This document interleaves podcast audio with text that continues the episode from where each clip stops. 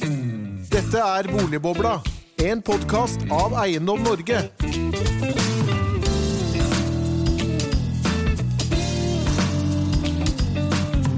Hjertelig velkommen til en ny episode av eh, Boligbobla. Denne gang om finansiell stabilitet med Norges Bank.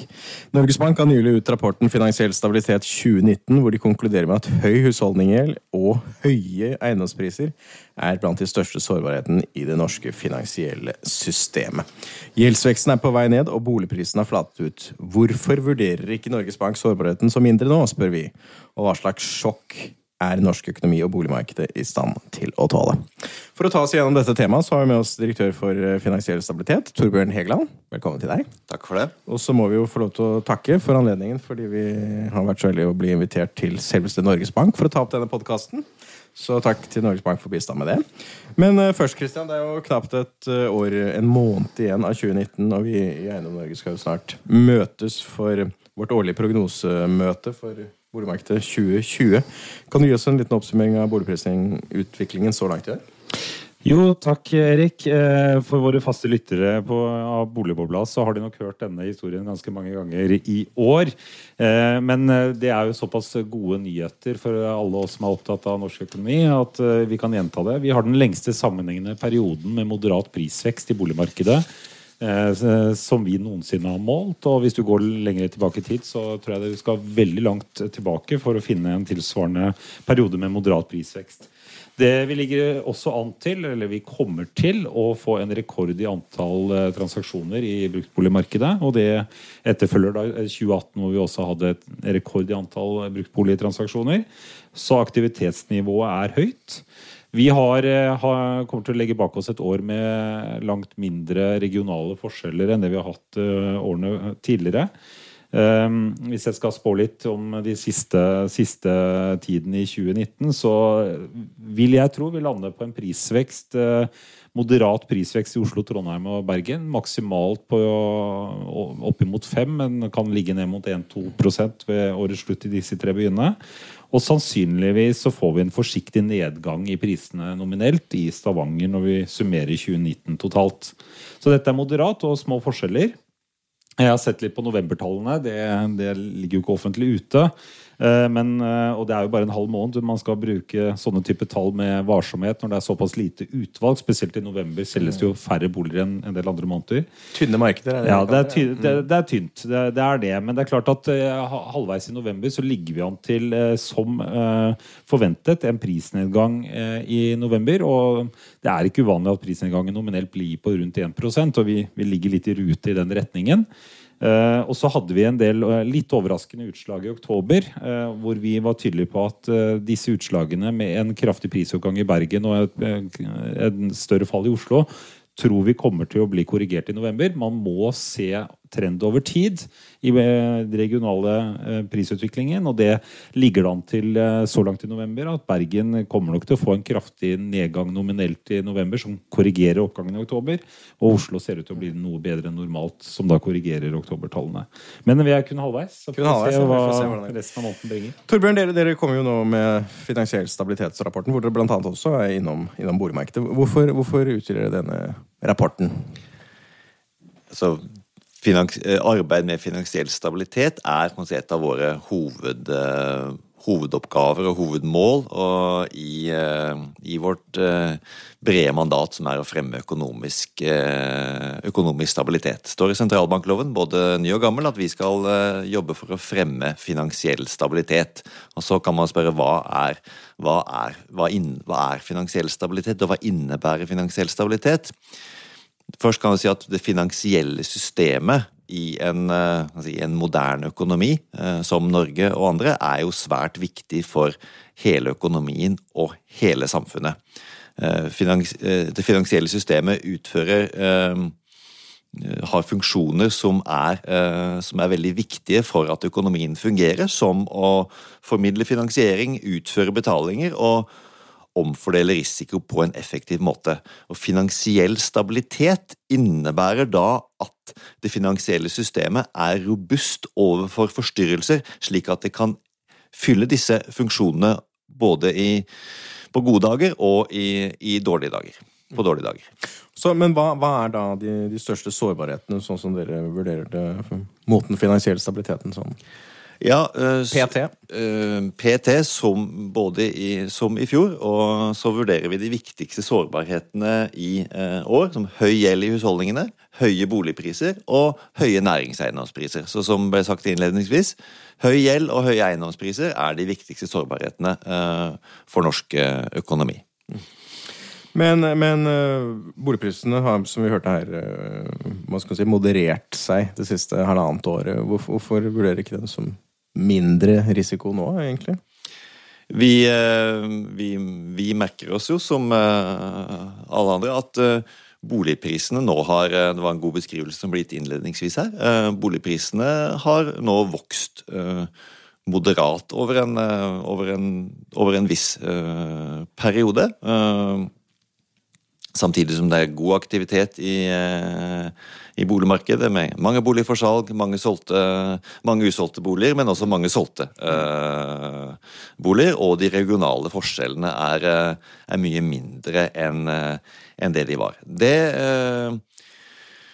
det gjør jo at den, den moderate ut, prisutviklingen vi har sett over en periode nå, gjør jo at si, risikoen for et brått fall i eh, brått og kraftig fall i boligprisene er nok noe lavere enn hva den ville vært dersom eh, utviklingen vi så eh, fram mot starten av 2017 hadde, hadde fortsatt. Og Vi eh, skriver også i det rapporten at vi vurderer risikoen knyttet sårbarheten knyttet til høye boligpriser som litt lavere enn eh, en i fjor. Så konkluderer vi samlet sett med at utsiktene for finansiell stabilitet er eh, om lag, eh, om lag uendret. Vi peker på at eh, altså, høy gjeld, husholdningenes gjeld, er høy. Selv om, eh, selv om, gjeldsveksten har kommet eh, noe ned, så er den fremdeles høyere enn veksten i, eh, i disponibel inntekt. Så gjeldsbelastningen og gjeldsgraden til husholdningene øker. Og det er også en god del konsentrasjon av gjeld i sårbare husholdninger.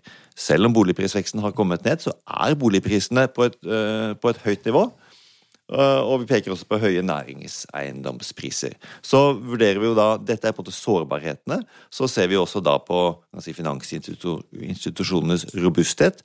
Eh, norske banker er godt kapitalisert og har, eh, oppfyller kapitalkravene og har god lønnsomhet. Så, så det er bra.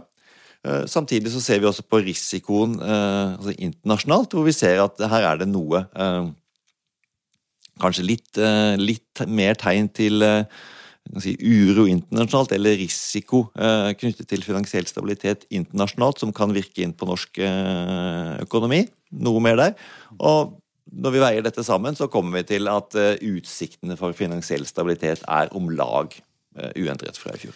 Ja, Det er jo rene lottospillet å, spå hva som skal skje internasjonalt. Der er det mange usikkerhetsmomenter om dagen. Men for å spole litt tilbake til dette med gjeldsvekst opp imot eh, dis, eh, disponibel inntekt. Ehm, eh, der har vi nå gått fra jeg mener det var 6,7% i gjeldsvekst vi lå på for ca. to og et halvt år siden. Noe rundt der. Ja. Ja. Og nå er vi ned på rundt 5% Så gjeldsveksten har gått ganske kraftig ned, men er fremdeles høy. Samtidig så ser vi jo eh, at eh, vi er jo på det laveste gjeldsveksten blant husholdningene i Norge siden 90-tallet. Ganske langt ned på 90-tallet òg, egentlig.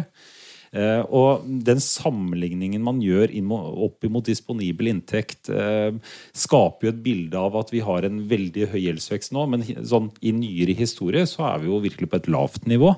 Er det, hva er dine betraktninger rundt det? Ja, det, er, det er riktig. Vi merker oss også uh, med en viss glede fra et sårbarhetsperspektiv at, uh, at gjeldsveksten i husholdningene tikker, uh, tikker nedover og er, og er si, lavere enn på lenge. samtidig så den den høye gjeldsgraden som vi har i husholdningen i dag, er jo nettopp en akkumulering av de vekstratene vi har sett, uh, vi har sett tidligere. Så vi er, vi er på et uh, de, den, den, gjeldsveksten har brakt oss på et ganske på et uh, høyt nivå historisk sett i Norge, og uh, høyt nivå uh, sammenlignet internasjonalt på husholdningens gjeldsgrad. Altså den gjelden Vi nærmer de oss har. oss jo verdensmesterskapet, er det ikke det? Vi, vi, ligger, eh, vi ligger høyt der. Så, eh, så Men, men skal vi ikke ligge der? Vi er, vi er, det er, du, skal, du skal lete lenge etter land med en eh, sterkere ehm, kjøpekraft blant husholdningene, eh, sterkere lønnsnivå, eh, rekordlave renter, selv om de er løftet eh, en del siste året. Så er det ikke en tyngdelov i dette som gjør at det hadde vært unaturlig at ikke vi også da lå høyt på gjeldsnivået? Det, det kan du si, og vi legger ikke så mye vekt på en, kan si, en internasjonal benchmarking når vi ser på si, sårbarheten knyttet til, eh, eh, knyttet til gjeld. Det er klart det at en, en, en velutviklet økonomi med høyt inntektsnivå og, si, velfungerende, eh, eh, velfungerende eh, finansielle markeder innebærer at eh, innebærer at man kan ta opp gjeld. Altså, det, det er ikke nødvendigvis slik at en, et land med null gjeldsgrad i husholdningene, det er antakelig ikke, Ikke veldig positivt, ja. eh, ikke, veldig, ikke veldig positivt. Det tyder, det tyder på betydelig grad av, eh, eller liten grad av finansiell eh, inkludering. Så det, det er, det er eh, Eh, Det er riktig. Samtidig så er det jo da eh, slik at det høye gjeldsnivået innebærer en sårbarhet for, eh, for økonomien eh, som helhet. Absolutt. Eh, Men, men jeg tenker i, eh, Må ikke misforstå meg, eh, kjære lyttere der ute, og tro at jeg argumenterer for høyest mulig gjeldsgrad. og absolutt ikke det hele tatt. Men dette er jo en interessant eh, problemstilling. Og eh, jeg må jo si at det er nesten en prestasjon at vi har eh, fått en gjeldsvekst eh, som man har klart å få ned i en periode hvor kjøpekraften har vært så solid, vi har hatt en lønnsvekst og vi har hatt så lave renter. At man i det, en sånn periode, en såpass eh, vekstperiode i økonomien, har lykkes med å klare å dempe eh, gjeldsveksten som man har gjort. Og med eh, de økninger i rentene som ennå ikke i full kraft har plantet seg ut i husholdningsøkonomien, det, det kommer jo gradvis nå i disse dager og ukene og månedene som kommer, eh, så er det jo all grunn til å tro at med økte renter så vil jo denne gjeldsveksten også naturlig nå sannsynligvis nå gå ned. Det, vi, vi ser jo at, eh, ser jo at, eh, si at det at gjeldsveksten har, eh, har kommet noe ned Der er nok de renteøkningene vi, vi har sett. Renten har vært økt fordi det går godt i norsk økonomi, som man også viser ved at disponibel inntekt Veksten i disponibel inntekt har, har, har, har økt.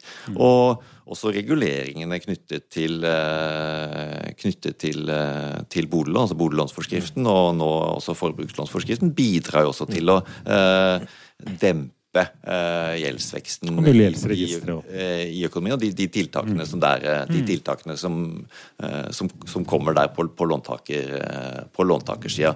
Fremover så venter vi også at de, det økte rentenivået som har kommet, vil eh, vil bidra til å dempe gjeldsveksten, samtidig eh, med kan si, den moderate eh, eh, boligprisveksten. Men hvis man skal tenke seg litt rundt hva, hva er et bærekraftig gjeldsnivå da, for, for, for det norske samfunnet? Du sier den internasjonale benchmarken er egentlig ikke en representativt mål for hva som er eh, det riktige gjeldsnivået for det norske, norske økonomier og norske husholdninger. Eh, hva skal til? Hvor mye skal på en måte gjeldsveksten ned, eller gjelden bygges ned alternativt, for at du på en måte får redusert det dere definerer som en sårbarhet? da? Så når vi snakker om sårbarhet, så snakker vi Vi har si, et makroøkonomisk eh, perspektiv. Eh, skal, altså det er jo da sånn at de, de fleste husholdninger eh, med gjeld i, eh, i Norge i dag har eh, si, buffere på en eller annen måte som gjør at de vil tak kunne takle en eh, eh, nedgang i eh, inntekt, økning i renter eller fall i boligpriser, enten ved å si, utsette avdrag, eh, tære på andre finansielle buffere som de har, eller, eh, eller kutte i, eh, kutte i forbruket. Men det vi er opptatt av fra et makroøkonomisk perspektiv, er jo det dersom eh, man dersom mange husholdninger samtidig strammer inn på eh, sin etterspørsel eh, på bakgrunn av et negativt makroøkonomisk sjokk. Altså hvis mange, mange opplever en negativ økonomisk hendelse samtidig, da kan det eh, da kan det bidra til den innstrammingen de da gjør for å måte betjene eh, gjelden sin, kan få kan forsterke de negative makroøkonomiske etterspørselskonsekvenser og forsterke en, eh, en, nedgang. Så her er det liksom vanskelig å snakke om eh, si, hva er et bærekraftig gjeldsnivå, men det er klart at jo høyere gjeldsnivået er, også litt avhengig av hvordan gjelden er, er fordelt, så jo sterkere vil en sånn eh, eh, innstrammende makroeffekt bli for et negativt sjokk. Så her er det jo mer, er det jo mer grader. Så for, for, en, for, et land og for en økonomi så, eh, så det, gir det litt mindre mening å snakke om hva som er bærekraftig og hva man tåler, enn for en enkelt husholdning. Og der avhenger jo det av eh, mange forhold ved den enkelte husholdning.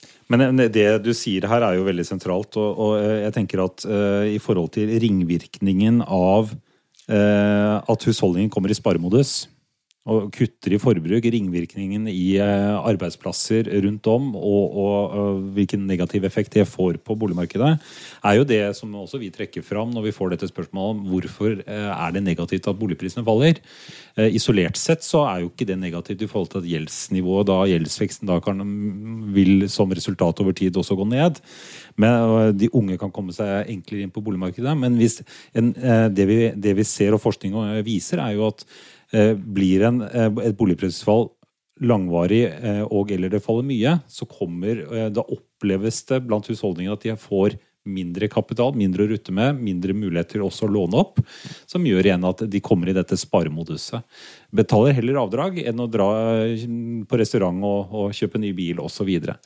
Så Det er jo det hovedargumentet på hvorfor vi ønsker en stabilitet, og hvorfor det er så positivt nå at vi har denne moderate veksten i boligprisene. Ja, det er det som vi sier, altså som mye forskning viser, er at si, finansielle ubalanser, som begrep som vi bruker, enten at det er høyt gjeldsnivå, øh, høye eiendomspriser øh, og andre ting, bidrar til å forsterke mm. tilbakeslag. Det er øh, bred bred internasjonal dokumentasjon på at, eh, på at, på at det er tilfellet. Og Det er derfor vi, vi er eh, så opptatt av, av, disse sårbarhetene som vi trekker fram i rapporten. Men vi har jo nå, Siv Jensen fattet jo nå nettopp beslutning på å videreføre boliglånsforskriften i mer eller mindre den formen som, som, som var. Noen mindre justeringer. Um, dere i Norges Bank uh, mente jo da at det ikke var behov for en tilsvarende innstramming i boliglånsforskriften som det um, Finanstilsynet um, foreslo. Hvorfor uh, gjorde dere ikke det?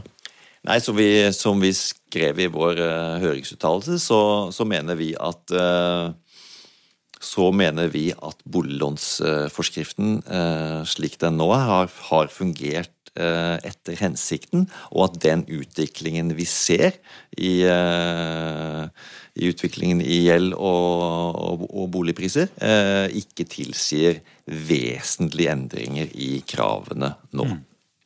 Eh, dere gikk jo også inn for, som Finanstilsynet gjorde, og som for så vidt også vi støttet dere på, det at man skulle fjerne de regionale forskjellene i, i, Eh, i forskriften eh, under, med det argumentet at eh, boligpriser, eller da mer gjeldsutvikling, og, finstyre det gjennom et forskrift, det er lite hensiktsmessig. Nå fulgte ikke Finansdepartementet den oppfordringen.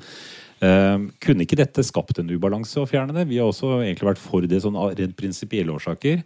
Men det å rokke med det nå det, det, ja. altså, det internasjonale pengefondet sa jo i våres blant annet at, det ville ta bort de regionale kravene for Oslo da, på sekundærbolig ville jo innebære en lettelse. Hva, hva, er deres tanker om det? Ja, igjen, ikke sant, så, så, så vi vi, eh, vi vi, men, mente jo, og mener jo, at eh, utvikling ikke tilsier vesentlig endring i kravene.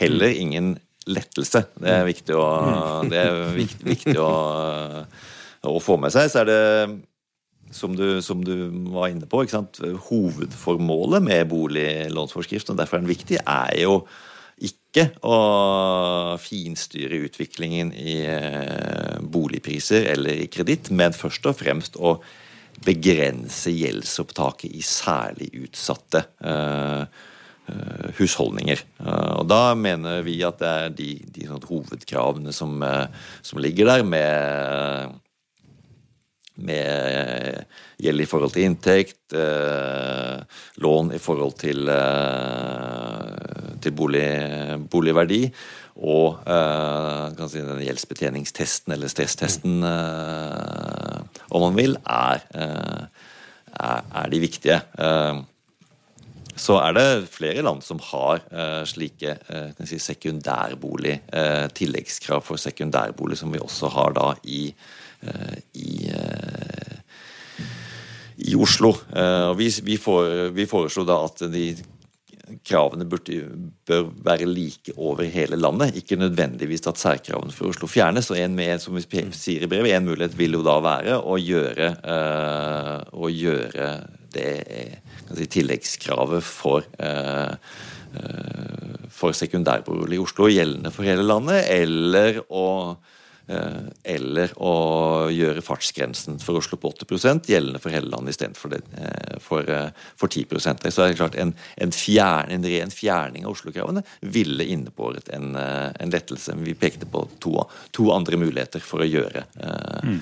for å gjøre det. Så tror vi nok at si, det er nok, og når vi når vi snakker med banker og andre, så er det, nok også i Oslo eh, si, gjeldsgradskrav, altså gjeld i forhold til inntekt, som har virket mm. sterkest. Men det er nok en viss grunn til å tro at også, eh, også belåningskravet knyttet til sekundærboliger har hatt, eh, hatt, har hatt en viss effekt. Ja, og jeg, Vår hypotese på akkurat det siste er jo at det er litt vanskelig å måle de lånene som man ikke får Som ikke blir innvilget. Som ikke blir, ikke som blir søkt om lenger pga. egenkapitalkravet. Mm.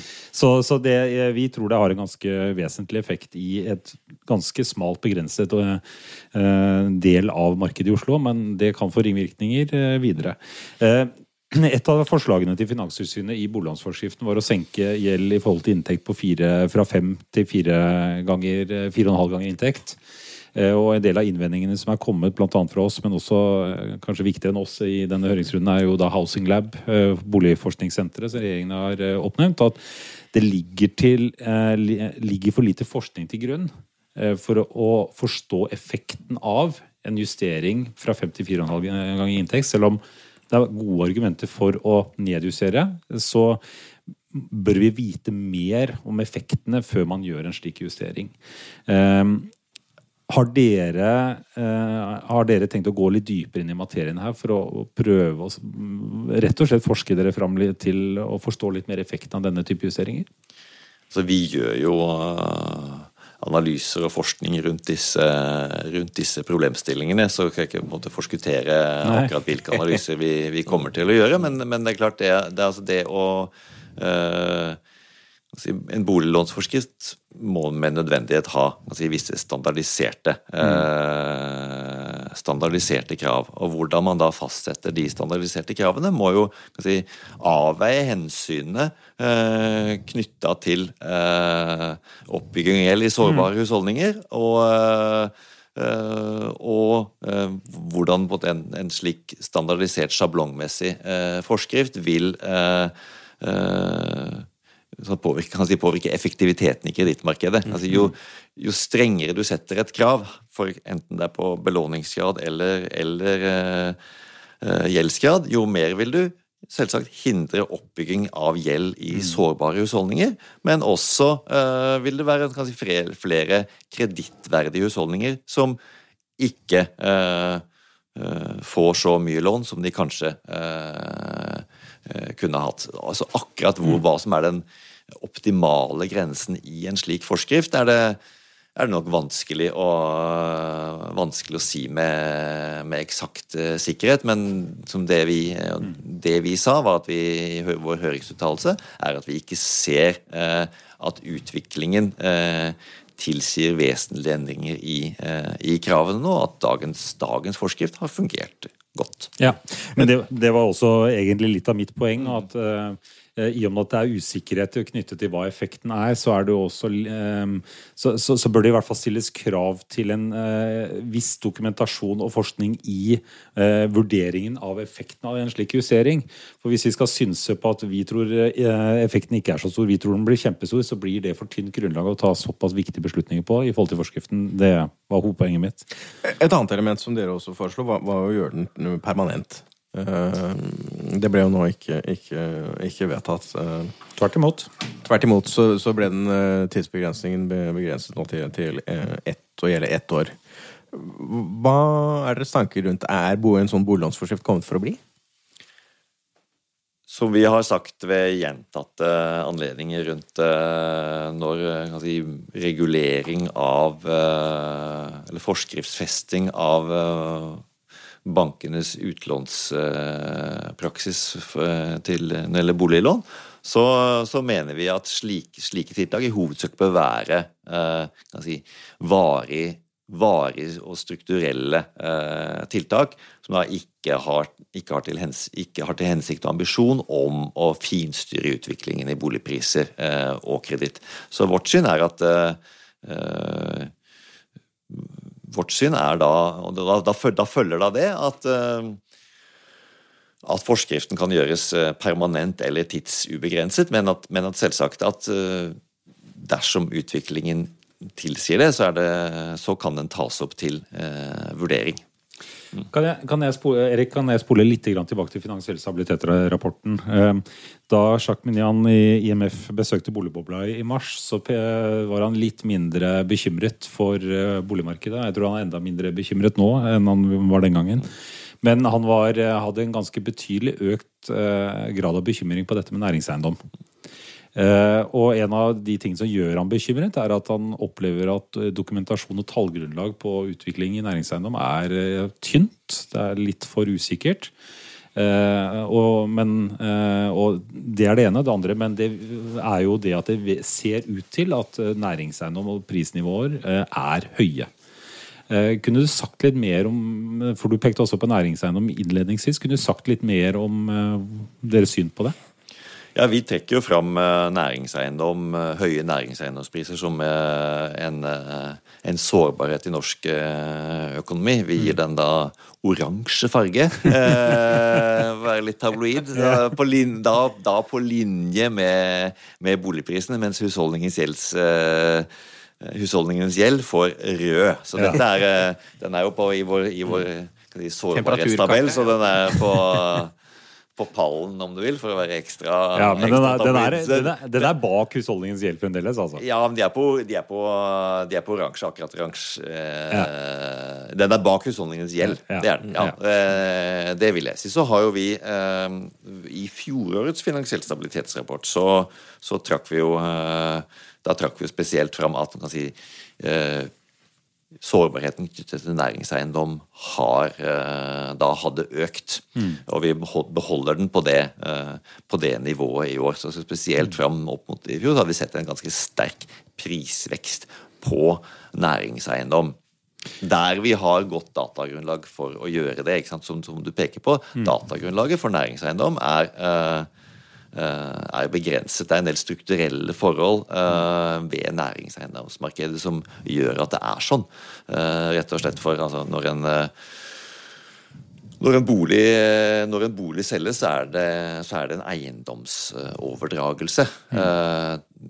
Si, transaksjoner i næringseiendomsmarkedet er jo i mye større grad enn for bolig egentlig selskapsoverdragelse. At det er på en måte Storgata 2C eh, mm. AS eh, som selges. Så Dermed så blir ikke prisene eh, observert på samme måte. Så Vi har pekt på at sånn statistikkgrunnlaget og datagrunnlaget for næringseiendom er noe dårligere enn man skulle ønske, gitt gitt sektorens viktighet for mm. økonomien og også for finansiell stabilitet. Og vi eh, jobber på egen hånd og oppfordrer oss andre for, for å eh, se på hvordan, hvordan det datagrunnlaget eh, kan styrkes. Men det er helt riktig som du sier, at vi, vi pekte på uh, Eh, Vi, vi pekte, på, pekte spesielt på i fjor at, næring, eh, at eh, risikoen knyttet til næringseiendom hadde økt. Eh, Så har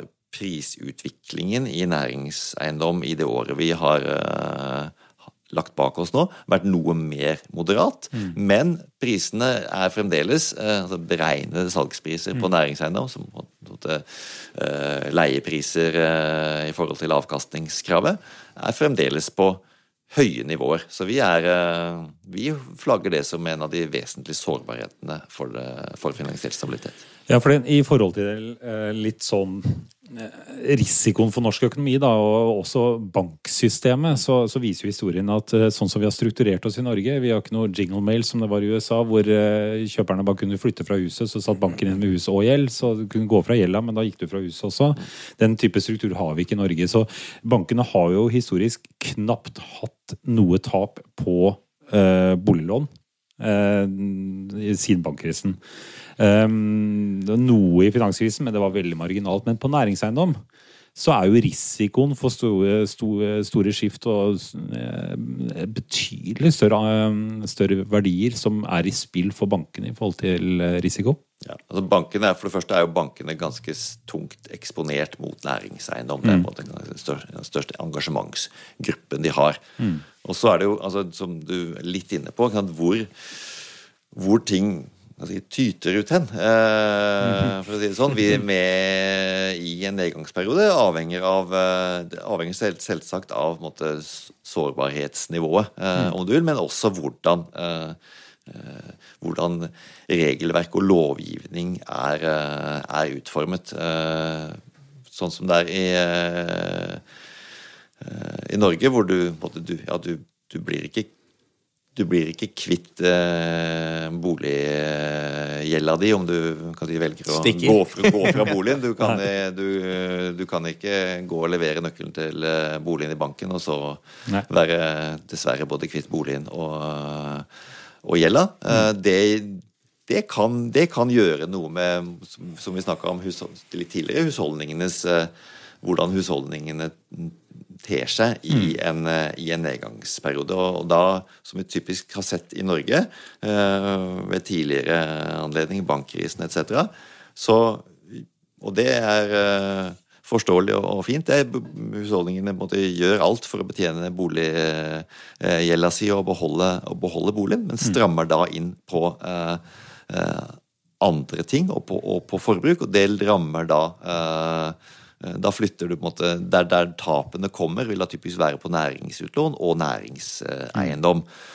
Og næringseiendom er jo, hvis man ser på tapshistorikk, da, i eh, bankenes tap knytta til næringseiendom, så er det eh, litt, litt sånn atypisk sektor. Den karakteriseres med at i, kan si, i normale tider, kan si, gode tider og kan si, moderate nedgangskonjunkturer, så ligger tapene på næringseiendom lavt.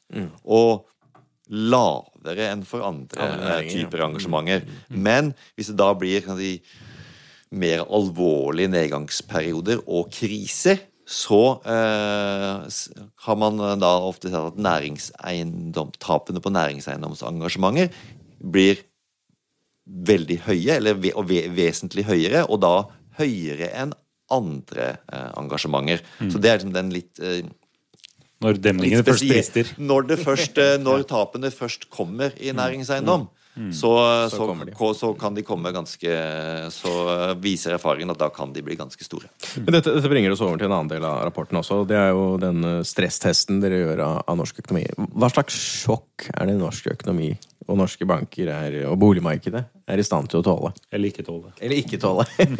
Ja, altså Vår stresstest er jo det vi kaller en makro eh, stresstest. Som, vi- sånn- som sa, vi finansiell stabilitet, at det finansielle systemet skal være robust overfor forstyrrelser. Det vil si at en skal kunne klare å eh, Vi skal tjene, rest, tjene ja. resten av økonomien både, altså både på å utføre sine funksjoner, både i gode tider og i, i dårlige tider. Det er da ikke en stresstest av enkeltinstitusjoner. Mm. Det er det Finanstilsynet som, eh, eh, som gjør. Så vi gjør da en, det man kaller en makro-stresstest. Og ideen eh, bak eh, den stresstesten er at ja, vi ser på eh, vi, vi utsetter eh, eh, Vi lager et stresscenario og utsetter da det finansielle økonomien for et eh, for et sjokk, og ser eh, hvordan det forplanter seg inn i bankene, og hvordan eventuelt endring i bankenes atferd kan ha negativ tilbakevirkning på, eh, eh, på realøkonomien. Skal jeg dra det litt ta, det litt, ta det da litt mer i, i detalj. Vi tar da utgangspunkt i et, et eh, At det kommer et eh, et negativt skift i, i verdensøkonomien, nedgang i oljepris og andre ting, internasjonal uro, som eh, slår inn i norsk eh, økonomi. Hvordan det sjokket da slår inn i økonomien, avhenger av kan si, nivået på de finansielle eh, ubalansene. Altså er det i tråd med internasjonal litteratur og i tråd med våre vurderinger, jo høyere gjeld eh, husholdningen har i utgangspunktet, jo høyere boligprisene er, jo sterkere blir da disse kan si, innstrammingseffektene eh, eh, som vi tidligere, eh, som vi tidligere snakka om. Så vi da utsetter det det vi kaller et alvorlig, men likevel tenkelig eh, tenkelig sjokk til eh, norsk økonomi, så viser det da de resultatene fra det, og da får vi ganske kraftig nedgang i, i boligpriser. Eh, blant annet. Det eh, fører til at husholdningene strammer inn, du får nedgang i, i konsumet, bankene får, eh, bankene får tap, og eh, og så er det da hvordan, hvordan responderer de eh, Hvordan responderer de da? Da har de sine kapitalkrav som, de, eh, som de skal eh, oppfylle. Så har vi da denne såkalte motsykliske kapitalbufferen, som dere sikkert da eh, kjenner til, som eh, vi gir råd om. Eh, mye ut fra nivå på de finansielle ubalansene som vi har, eh, har snakka om. Eh, så hvis man tenker at, den, at, at den, det lå fast, så må bankene tilpasse seg et, et høyere kapitalkrav. Da må de stramme mer inn på utlånsvirksomheten sin for å holde det, eh, opprettholde det, det kapitalkravet. Og da får det ytterligere Da, da får du, da får du negat, de blir rammet, Bankene blir rammet negativt av sjokk i økonomien, må stramme inn. Og det får ytterligere negativ tilbakevirkning på realøkonomien. Og så får du sånn eh, eh, Får du noen, noen, noen runder med, med tilbakevirkninger, da.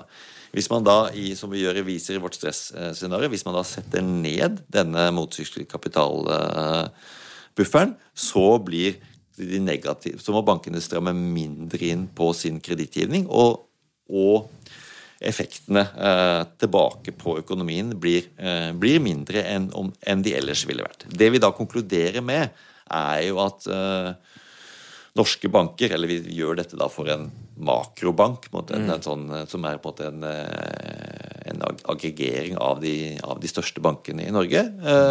Med det kapitalnivået er, og størrelsen mot, mot kapitalbuffer, så tåler de si, det stresset eh, som vi utsetter dem for gjennom, eh, gjennom stresstesten. Men vis, vi viser også viktigheten av eh, viktigheten å ha buffere som kan tæres på og settes ned i eh, eh, i en, sånn, i en nedgangsperiode som følger av et sånt sjokk, for at ikke virkningen skal bli sterkere. Ja, for det er jo nettopp derfor man har nå fått dette verktøyet, motsyklisk eh, kapitalbuffer, nettopp for å bruke når, når, når vi er i en sånn konjunktur. Og derav har vi også boliglånsforskriften, som også eh, er et virkemiddel som kan eh, justeres på eh, ved behov.